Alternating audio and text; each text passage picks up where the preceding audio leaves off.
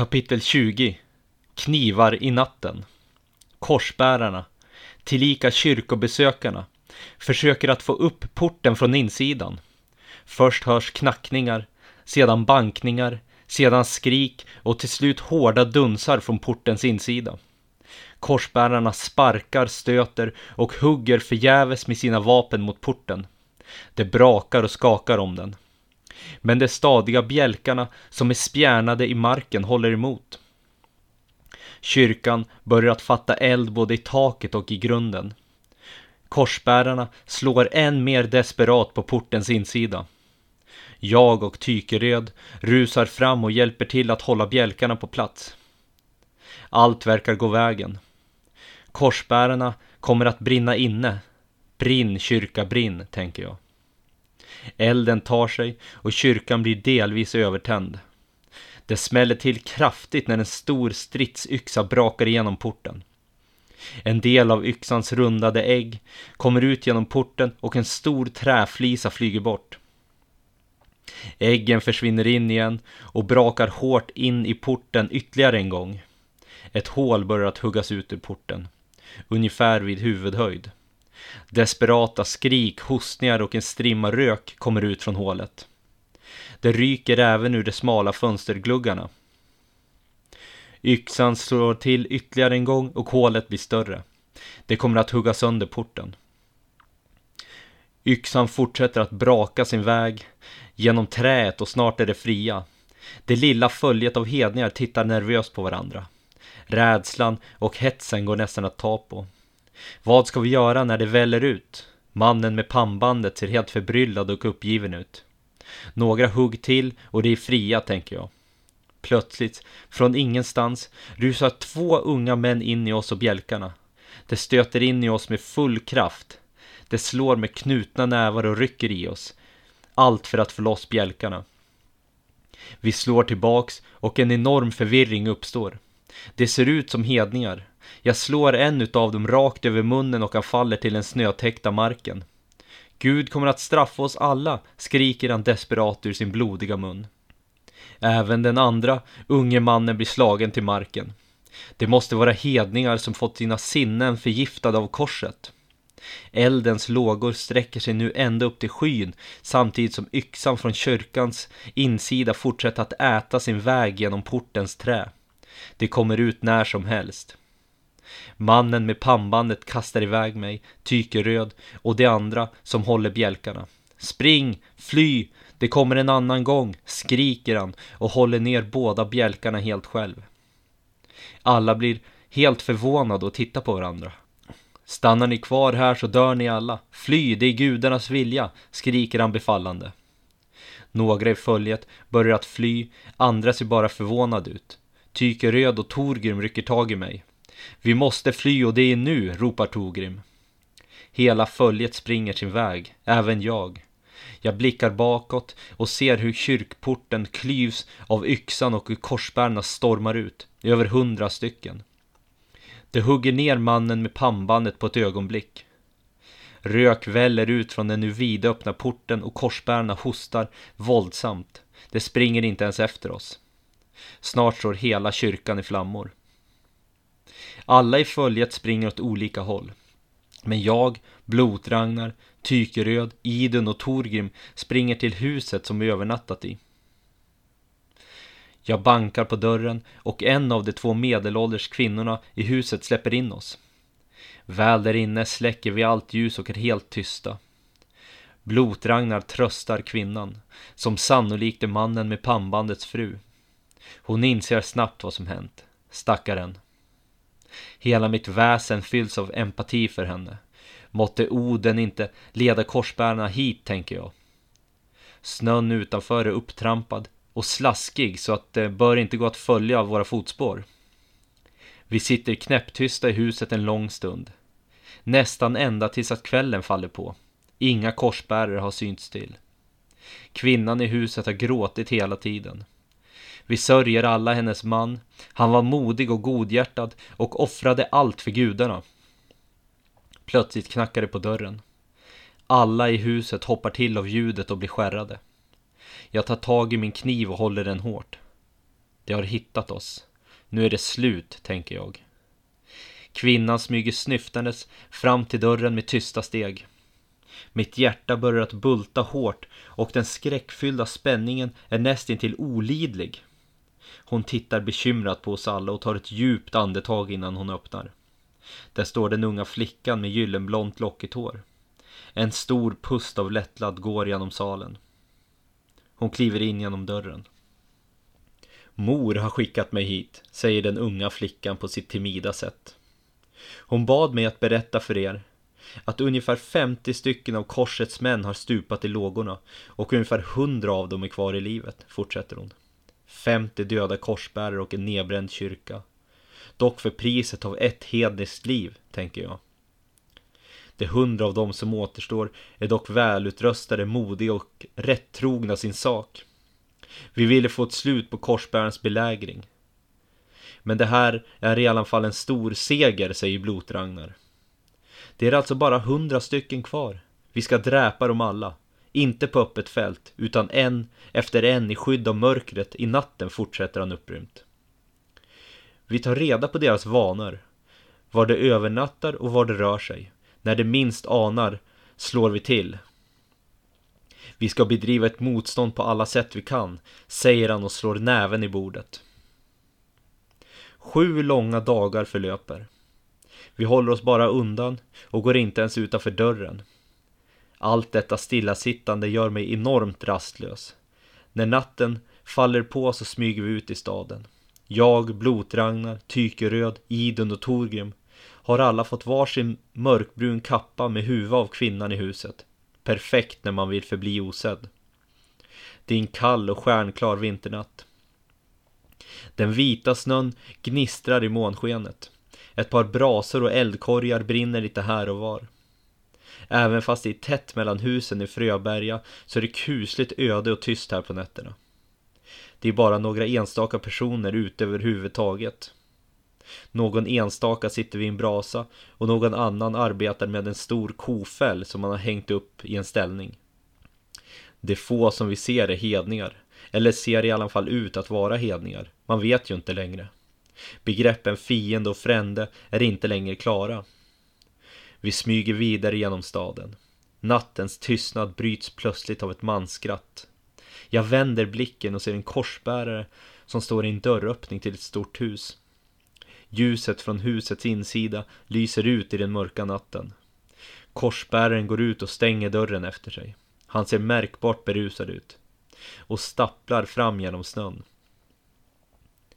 Han går i riktning mot den stora stenfästningen. Han ska väl hem och sova ruset av sig.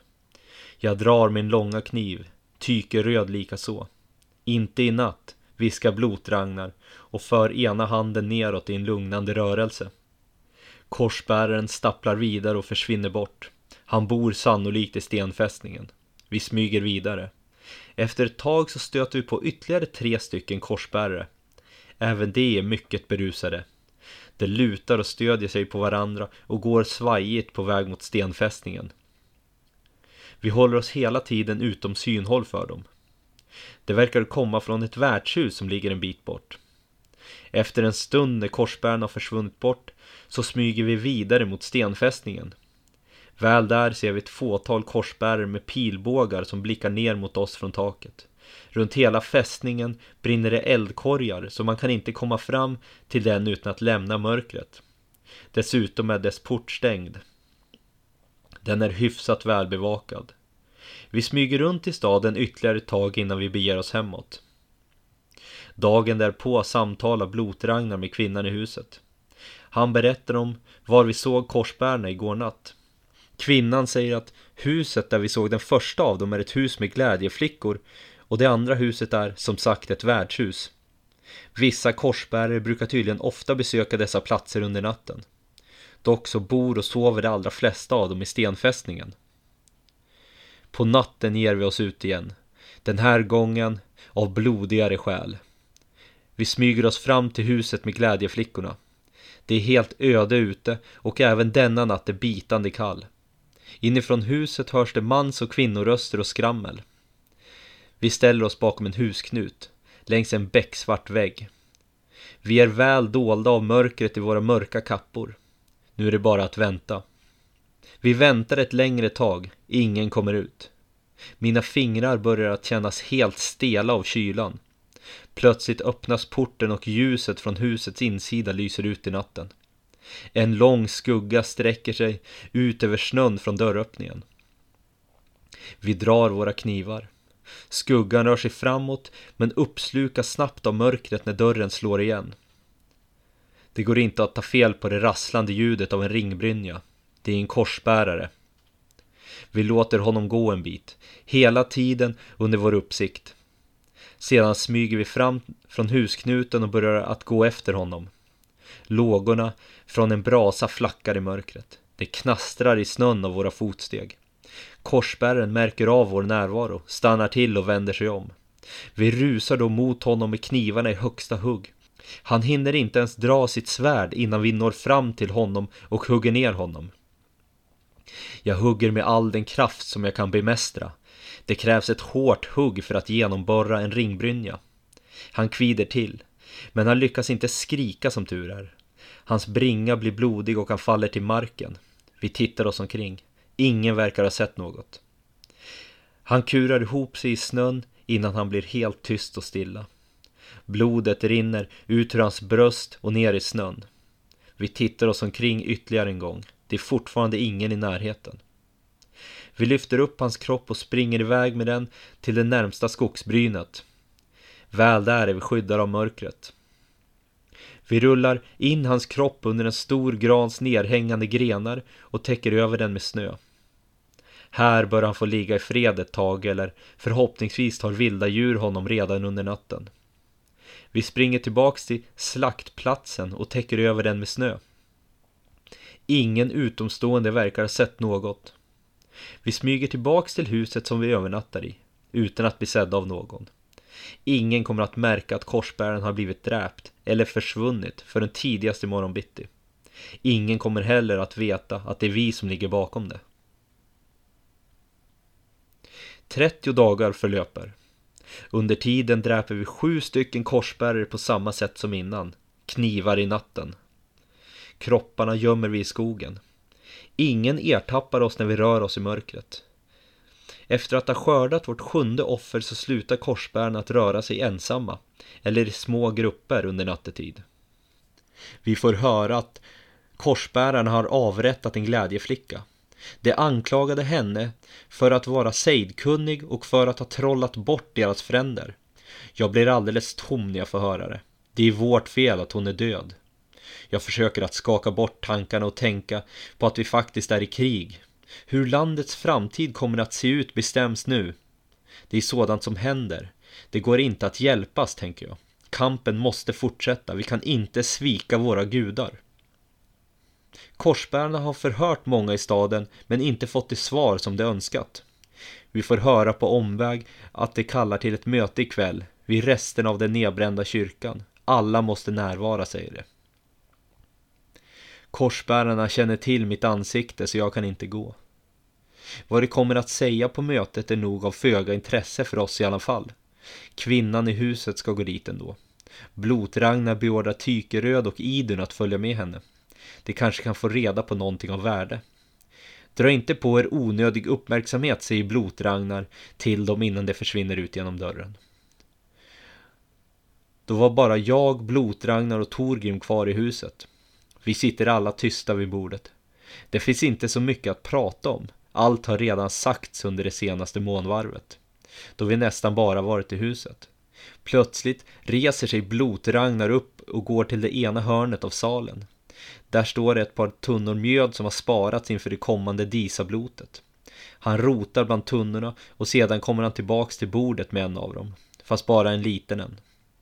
På väggen hänger ett stort dryckeshorn i en läderrem. Blot-Ragnar tar ner det och fyller det från tunnan. Han höjer sedan hornet sakta till sin mun, sluter sina ögon, sveper det, fyller det igen och sträcker fram det till mig. Nu ska vi dricka. Gudarna vet att det var länge sedan sist, säger han. Vi börjar att dricka alla tre. Jag känner av ruset efter bara tre, fyra horn. Tankarna på krig och korsbärare glider sakta ur mitt sinne och jag blir rofylld. Blotragnar börjar att berätta historier om gudarna. Först berättar han den om hur Oden fick skaldemjödet, eller suttungamjödet som det även kallas. Skaldemjödet var ett egendomligt mjöd. Alla som drack av det fick nämligen gåvan av skald. Det bryggdes av två stycken dvärgar men senare kom jätten Suttung över det. När Oden fick ord om mjödet blev han mycket intresserad. Han förvandlade sig då till en människa vid namn Bölverk och lurade till sig mjödet. När han sedan flydde med mjödet hem till Asgård och Valhall så spillde han lite ner till Midgård och det var så människorna lärde sig skaldekonst. Sedan berättar han den om Balders död. Balder, Odens och Friggs son, var älskad av alla gudarna, utom av den opolitlige och tjuvaktige Loke. Balder var osårbar och de andra asarna roade sig med att kasta stenar och spjut på honom. Ingenting kunde skada honom, förutom en liten betydelselös växt, misteln. Loke lindade då en liten mistel runt en pil och lurade Balders blinde bror Höder att skjuta Balder med den. Han dog av pilen och det blev sorg i hela Asgård. Balder kommer dock att återuppstå för att leda asarna efter Ragnarök, gudarnas skymning. Efter en stund kommer kvinnan i huset, Tykeröd och Idun tillbaka. Kvinnan ger oss långa blickar när hon ser att vi tagit av mjödet. Men hon säger ingenting. Idun berättar lite snabbt om mötet. Korsbärarna sa att de ska återställa kyrkan till dess forna prakt och att Gud kommer att straffa de skyldiga. De sa även att det kommer inte att sky några som helst medel för att hitta de som har dräpt korsets män. De har tydligen hittat de gömda kropparna i skogen. Hon berättar även att många som såg ut som hedningar hjälpte till vid kyrkan och att de jublade åt korsbärarnas anförande. Det verkar som att många har blivit förgiftade av korsbärarnas ord. Har vi förlorat redan, tänker jag. Klart vi inte har. I resten av landet är befolkningen fortfarande hednisk, intalar jag mig själv. Men vi kanske redan har förlorat Fröberga.